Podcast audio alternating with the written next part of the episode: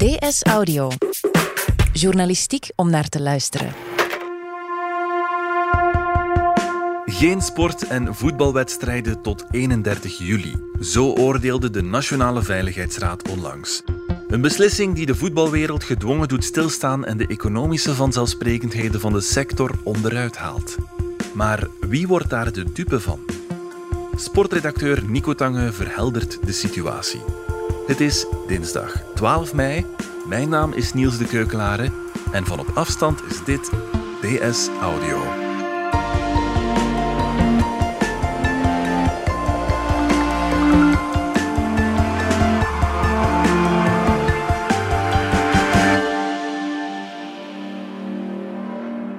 Normaal gezien uh, halen voetbalclubs een groot deel van hun inkomsten uit de operationele werking van de club. Namelijk, uh, als ze wedstrijden spelen, dan worden er tickets verkocht. De toeschouwers die naar het stadion komen, uh, die gaan ook altijd iets drinken. Sommigen hebben nog wat meer geluk en mogen een maaltijd nuttigen in de business seats of de loges. Er wordt ook volop merchandising verkocht, uh, zowel in winkels uh, bij de stadions als uh, online. Maar een groot stuk ook van de inkomsten bestaat uit tv-gelden, namelijk de grote zenders. in België zijn dat op dit moment zowel Telenet als Proximus, die betalen eigenlijk om die voetbalwedstrijden te mogen uitzenden. Maar dan is er nog een andere belangrijke inkomstenbron, die vaak wel voor veel clubs levensbelangrijk is, en dat zijn de transferopbrengsten. Ja. Namelijk op het einde van het seizoen ja, komen er vaak clubs die hoger spelen in een betere competitie of die een grotere club zijn binnen de eigen competitie. Die komen de beste spelers weghalen bij de clubs uh, daaronder. Ja. Door dat alles, als je dat alles samentelt, dan is het voetbal een miljardenindustrie. Maar nu er voorlopig niet wordt gevoetbald, en in elk geval toch niet in uh, volle stadions, wacht de sector waarschijnlijk een uh, economische kater. Hoe groot is die kater? Kan je de impact eens concreet toelichten? Maar alles wat ik zo net schetste, valt nu dus grotendeels weg. Hè. Er zijn geen wedstrijden meer, dus er kunnen ook geen toeschouwers naar het stadion komen. Dat betekent geen inkomsten uit tickets en de horeca. Dat betekent ook voor sommige competities in Europa het risico dat ook een deel van de tv-gelden eh, niet zal worden uitbetaald. In België bijvoorbeeld is dat niet zo, mm -hmm. omdat uh, um, hier uh, waren alle tv-gelden al uitbetaald. En in het contract staat duidelijk dat er maar een uitzondering kan worden gemaakt als er geen overmacht in het spel is. Mm. Vandaar dat het heel belangrijk was voor de Pro League uh, dat de Veiligheidsraad onlangs uh, heeft beslist om uh, geen evenementen en dus ook geen sport- en voetbalwedstrijden toe te mm. laten tot 31 juli. Daardoor is er juridisch overmacht ontstaan, waardoor dat uiteindelijk dat tv-geld niet meer kan teruggeclaimd worden mm. door Telenet en Proximus. Dat was heel belangrijk omdat dat voor heel veel clubs is dat een belangrijke deel van hun budget, die tv-gelden. En dat geldt nog meer voor de grotere competities in Engeland. En daar zal er veel meer discussie zijn als de competitie niet kan worden uitgespeeld van ja, oké, okay, worden die dan uitbetaald, ja of nee? Daar is veel discussie uh, in Engeland. Ja. Um, ook de sponsors natuurlijk, daar kunnen problemen bij ontstaan. Uh, er kunnen een aantal grote bedrijven in problemen komen, waardoor dat ze gaan schrappen in, in sponsorcontracten of proberen die te heronderhandelen met clubs. Mm. Zeker ook omdat nu al vaststaat, bijvoorbeeld voor de Belgische competitie, dat er ook als de voetbalcompetitie wordt herstart, dat er waarschijnlijk voor gesloten deuren zal uh, worden gespeeld. Dus dat betekent nog altijd zonder toeschouwers. En ook daar zal dan moeten bekeken worden, ja, moeten we die contracten nu herzien of niet? Want uiteindelijk hebben al die bedrijven betaald om een naam op die truitjes te zetten, ja. uh, omdat ze ja, elke week tijdens die wedstrijden en tijdens de programma's over die wedstrijden ongelooflijk veel uh, in de publiciteit komen. Ja, ja, en dat valt nu natuurlijk tijdens corona volledig weg. Samengevat, veel clubs krijgen minder geld binnen en moeten nu onder financiële druk hun zakenmodel gaan aanpassen. Ook op de transfermarkt. Wat staat de transfermarkt dan te wachten? Ja, om het kort samen te vatten, besparen, besparen, besparen. En mm. dat gebeurt op verschillende manieren, namelijk Heel veel clubs hebben nu heel grote selecties. Uh, Anderlecht is daar natuurlijk het beste voorbeeld van. Zij hebben eigenlijk zo'n 50 uh, spelers onder contract. Ja. Daar gaat natuurlijk zwaar gesnoeid worden. Uh, aangezien dat er natuurlijk veel minder geld in kas is, uh, gaat het ook veel moeilijker worden om grote transfersommen uit te geven voor spelers die je bij de selectie gaat halen. Maar gaat dus zoeken naar koopjes, slimme koopjes. En dat kan bijvoorbeeld door spelers die einde contract zijn. Uh, als een contract afloopt, dan hoef je geen transfersommen meer te betalen aan de club waar hij op dit moment speelt. Dan kan die gratis eigenlijk naar uw club komen. Ja. Dus dat soort gratis transfers, dat gaat heel populair worden. En uh, er gaan ook eventueel transferdeals gesloten worden met uh, gesloten beurs. Dat is eigenlijk een soort ruilhandel die zal worden opgezet. Waar mm je zegt van oké, okay, in plaats dat ik 20 miljoen betaal voor uw speler en jij eh, betaalt twee keer 10 miljoen voor twee van mijn spelers. Laten we gewoon die twee spelers wisselen tegen die andere speler. En we moeten geen geld uitgeven. Dus er gaat, moet creatief omgegaan worden met de weinige middelen die er op dit moment zijn. Mhm. En uh, ja, dat zal vooral dieper in de transfermarkt zal dat heel erg pijn doen. Hè. Mm Ja, wat bedoel je met dieper in de transfermarkt? Uh, grote clubs die hebben meestal nog wel een, een bepaalde reserve of die kunnen uh, wel terugvallen op sponsoren, waardoor dat, ja, een deel van die inkomsten wel blijven vloeien. Maar mhm. kleinere clubs, daar dreigen sponsors eigenlijk zich volledig te gaan terugtrekken. Die dreigen veel meer uh, nog dan de grotere clubs uh, daar getroffen te worden. Mm -hmm. En die, die ja, aangezien daar het mes op de keel staat, zullen die echt hun beste spelers moeten laten gaan voor, uh, ja, voor veel lagere prijzen dan, ja. dan voorheen. Mm -hmm. Dus om, het, ja, om het een beetje concreet te maken prijzen dreigen eigenlijk volgens sommige economen, en ik, ik citeer dan Trude de Jonge, die ik onlangs ook nog daarover gebeld had, ja, die voorspelt dat de prijzen op de transfermarkt zullen kelderen naar niveaus van ongeveer tien jaar geleden. En ja, sterspelers die, laten we zeggen, normaal 15 of 20 miljoen zouden moeten opbrengen, gaan nu misschien nog maar 8 miljoen opbrengen of 5 miljoen. Mm -hmm. En daardoor kunnen een aantal clubs uh, zwaar in de problemen komen.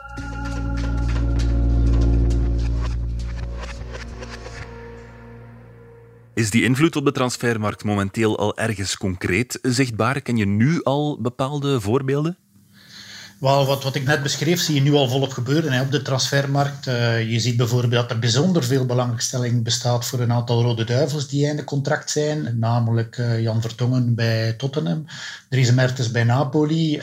Normaal gezien uh, zijn dat twee spelers die al ja, 31, 32 jaar oud zijn en die nu normaal gezien een stapje terug zouden moeten doen. Maar omdat zij net zo interessant zijn, omdat er geen grote transfers om moet voor betaald worden, zie je nu dat een aantal grote clubs uit grote competities geïnteresseerd zijn. Mhm. En het ziet er dan ook uh, naar uit dat zelfs op late leeftijd uh, Vertongen en Dries Mertens nog een hele mooie transfer gaan kunnen maken. Uh, je ziet dat ook op een ander niveau. Als je kijkt naar Anderlecht bijvoorbeeld. Die heeft eh, begin vorige week zijn eerste transfer aangekondigd. Mhm. En dat is Ilias Takidin.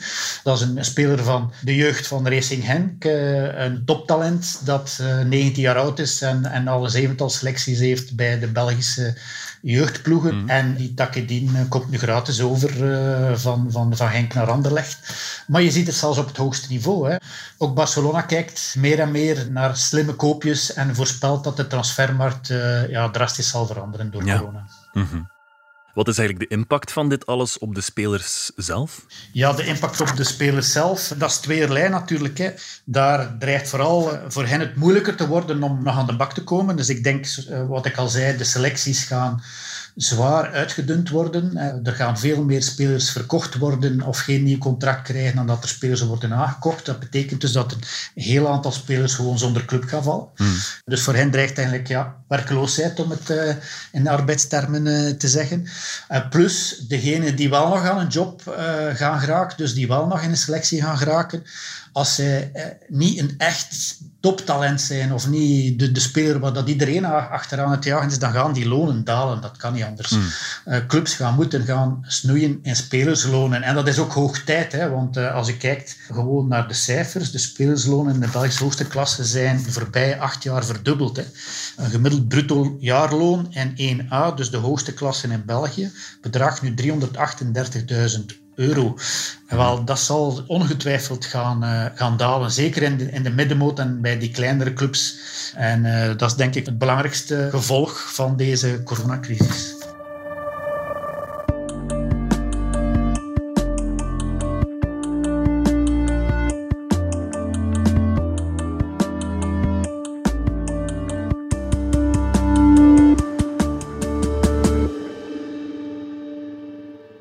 De transfermarkt ondergaat dus noodgedwongen een transformatie, maar ook andere inkomsten voor de clubs vallen nu weg. Het dreigt voor sommige clubs een faillissement. Ja, inderdaad. Maar ja, je moet er wel bij zeggen natuurlijk dat uh, een aantal van die clubs, uh, daar was het al veel langer aan het trommelen, die hadden al langer problemen.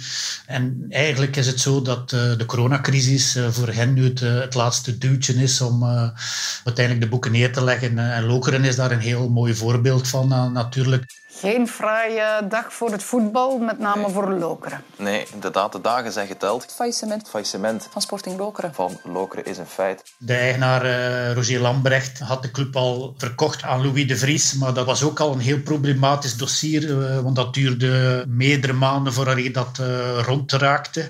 En uiteindelijk ja, is dat dan slecht afgelopen, want daar is de stekker uitgetrokken een aantal weken geleden en Lokeren is eigenlijk de, de eerste club die nu failliet gaat.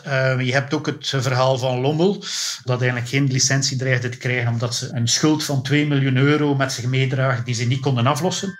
De Limburgse profclub uit 1B kreeg in eerste instantie geen licentie, waarna de Israëlische eigenaar ook nog eens zijn vertrek aankondigde. Die club is overgekocht door Manchester City, of toch de groep rond Manchester City, waardoor dat de club eigenlijk in extremis toch een, een doorstart kan, uh, kan maken. Sommige clubs gaan dus failliet, andere houden het hoofd nog boven water. Maar hoe lang kunnen de clubs het financieel nog volhouden op deze manier als er niet gespeeld wordt? Ik denk dat dat vooral zal afhangen van hoe lang de coronacrisis nog duurt en mm -hmm. welke impact de coronacrisis zal hebben op de komende competitie, op de competitie die straks nog zal moeten gaan starten. Ja. Als ik kijk bijvoorbeeld naar België, daar zie je dat dan beslist is, voorlopig natuurlijk, om de competitie eventueel te herstarten uh, eind augustus, begin september. En ten vroegste opnieuw toeschouwers toe te laten eind oktober, als alles goed gaat. En ja, als dat ook zo zou zijn in andere landen, ja, dan betekent dat ook de nieuwe competitie achter gesloten deuren gaat, mm -hmm. uh, gaat plaatsvinden. Dat er ook daar geen toeschouwers gaan zijn, geen inkomsten uit tickets, nee. geen inkomsten uit horeca, maar dat ook sponsors die nu al moesten vrede nemen met een mindere marketing return voor de afloop van de vorige competitie, nu ook dreigen voor de volgende competitie veel minder ja, visibiliteit te krijgen, waardoor ja. dat ook zij extra druk gaan zetten op tal van clubs om die sponsorcontracten naar beneden te, te gaan mm -hmm. herzien. En dan gaat het er maar van afhangen, van club tot club, ja, hoe dat die onderhandelingen verlopen, wie dat daar de eigenaar is, of er eventueel nog een reserve kan aangesproken worden, enzovoort. Maar naarmate natuurlijk dat dat scenario zich gaat ontrollen, gaan er meer en meer clubs in de problemen komen. Maar ja. wie dat zal zijn, waar en op welk moment, dat is op dit moment uh, nog koffiedik kijken.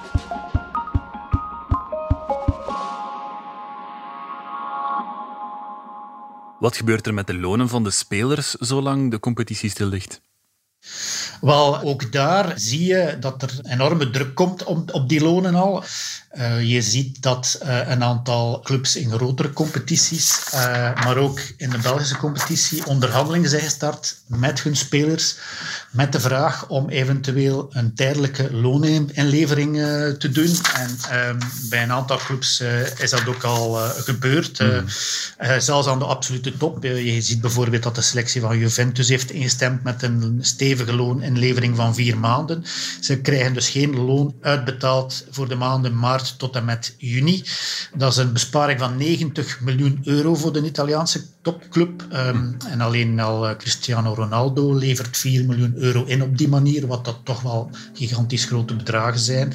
Uh, als je kijkt naar de Duitse competitie, Bayern München uh, heeft hetzelfde gedaan. Daar levert Robert Lewandowski, de bekende spits, 20% van zijn loon af, net als alle medespelers.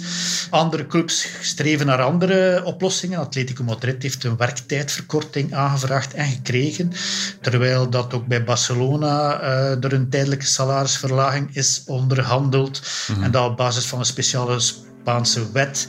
Uh, ook uh, als ik kijk naar de Belgische competitie, dat, dat was Anderlecht de eerste die onder leiding van Vincent Company onderhandelingen aanknoopte met de spelers om tijdelijk loon ja. in, te leveren. Dat, mm-hmm. dat ging met horten en stoten en dat is ook een verhaal op zich. Maar je ziet gewoon dat die lonen onder druk komen, toch zeker uh, in eerste instantie. En natuurlijk, als het volgend seizoen niet snel betert en er geen normale competitie kan gespeeld worden, dan zal er waarschijnlijk ook wel druk komen om ja, niet alleen tijdelijk loon in te leveren, maar misschien structureel een aantal contracten te gaan aanpassen.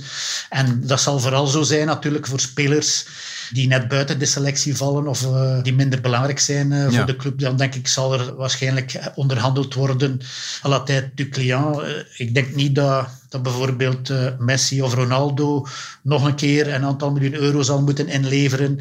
Ik denk dat dat dan op een andere manier zal gebeuren, maar ja, dat is ook, ook dat is natuurlijk ja. heel moeilijk te voorspellen. Mm -hmm. Denk je dat de coronacrisis in de voetbalwereld ook op lange termijn iets verandert? Wel, um, dat is iets wat, wat velen zouden willen natuurlijk. Hè. Um, je moet zien dat voetbal een, een, een, een heel speciale sector is uh, van, van de economie. Uh, in de klassieke economie draait alles om winst voor de aandeelhouders, uh, elk jaar opnieuw, maar in profvoetbal niet. Hè. Als je hmm. bijvoorbeeld kijkt naar de, de cijfers van het voorbije decennium, dan zie je dat de inkomsten van de profclubs in de Belgische competitie, in de Jupiler Pro League, de voorbije tien jaar meer dan verdubbeld zijn, terwijl dat de gemiddelde winst de voorbije tien jaar stabiel bleef op 0 euro. Dus dat betekent eigenlijk dat ja, voetbalclubs zijn niet gemaakt om winst te maken. Hmm. Wat doen voetbalclubs? Alle extra inkomsten worden gebruikt om uh, betere spelers te gaan binnenhalen en de hoop hmm. beter sportieve resultaten te boeken. Waardoor dat dus die, die lonen van die spelers zo snel zijn gestegen de voorbije jaren. Ja, maar was dat überhaupt wel vol te houden, die gigantische lonen van de laatste jaren? Ah, wel, in, in het pre-corona-tijdperk wel. Hè. Omdat dat uh, helemaal anders lag dan, dan in een klassieke bedrijfssector, kon dat. Uh, daar zag je eigenlijk gewoon dat, dat alle extra inkomsten van het model vloeiden naar enerzijds de spelers en anderzijds, en dat is ook wel belangrijk, de makelaars. Want ook de makelaars verdienen jaar na jaar veel meer uh, aan het voetbal. Hmm. Als je kijkt, denk ik, uh, naar het voorbije seizoen, uh, dan streken de makelaars samen bijna 50 miljoen euro op zak. Alleen al in België aan transfers.